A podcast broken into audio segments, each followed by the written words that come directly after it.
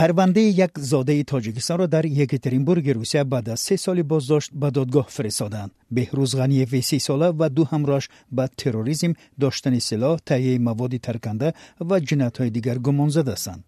پیوندانش اتهام را رد می کنند سازمان حامی حقوق مموریال هر سه را محبوس سیاسی نامیده است. من میرزا نبی خالقزاد راجع به این موضوع گزارش بیشتری ارائه خواهم کرد.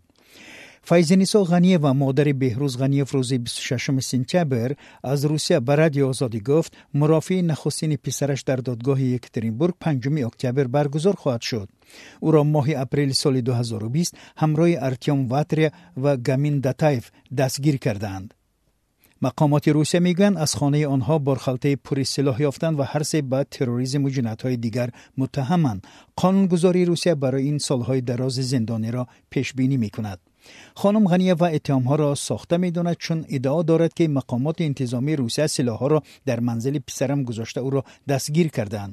Сотрудников беҳроза пистолет подкинут кара беҳроза қабда унҷаба бурда беҳроза гуфтааст ки вай адвокату показания додагӣ ҳай ҳама хоҳозаш беҳроза барҳо гуфтааст ки мо ки сотрудничит кун гӯя ки ин пистолета ман харидам ки ма ин дутта иҳо вай кунам.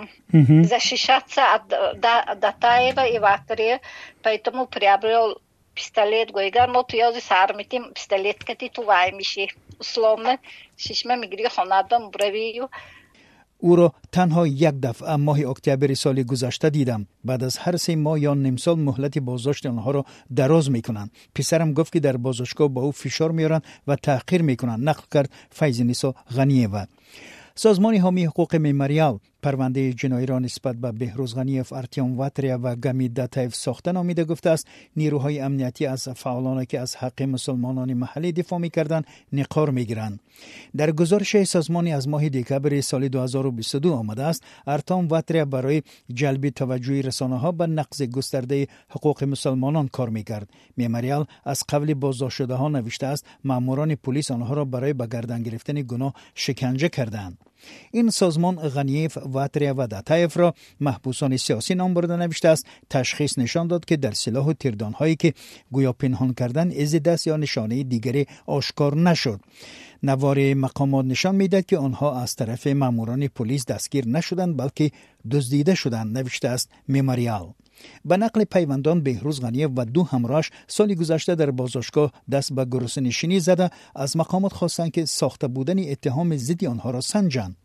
مقامات روسیه به این طلب واکنش نکردند. ولی به گفته نزدیکان پس از چند روز بهروز و دو همراهش را از بازداشتگاه سرگوت به یکترینبورگ بردند.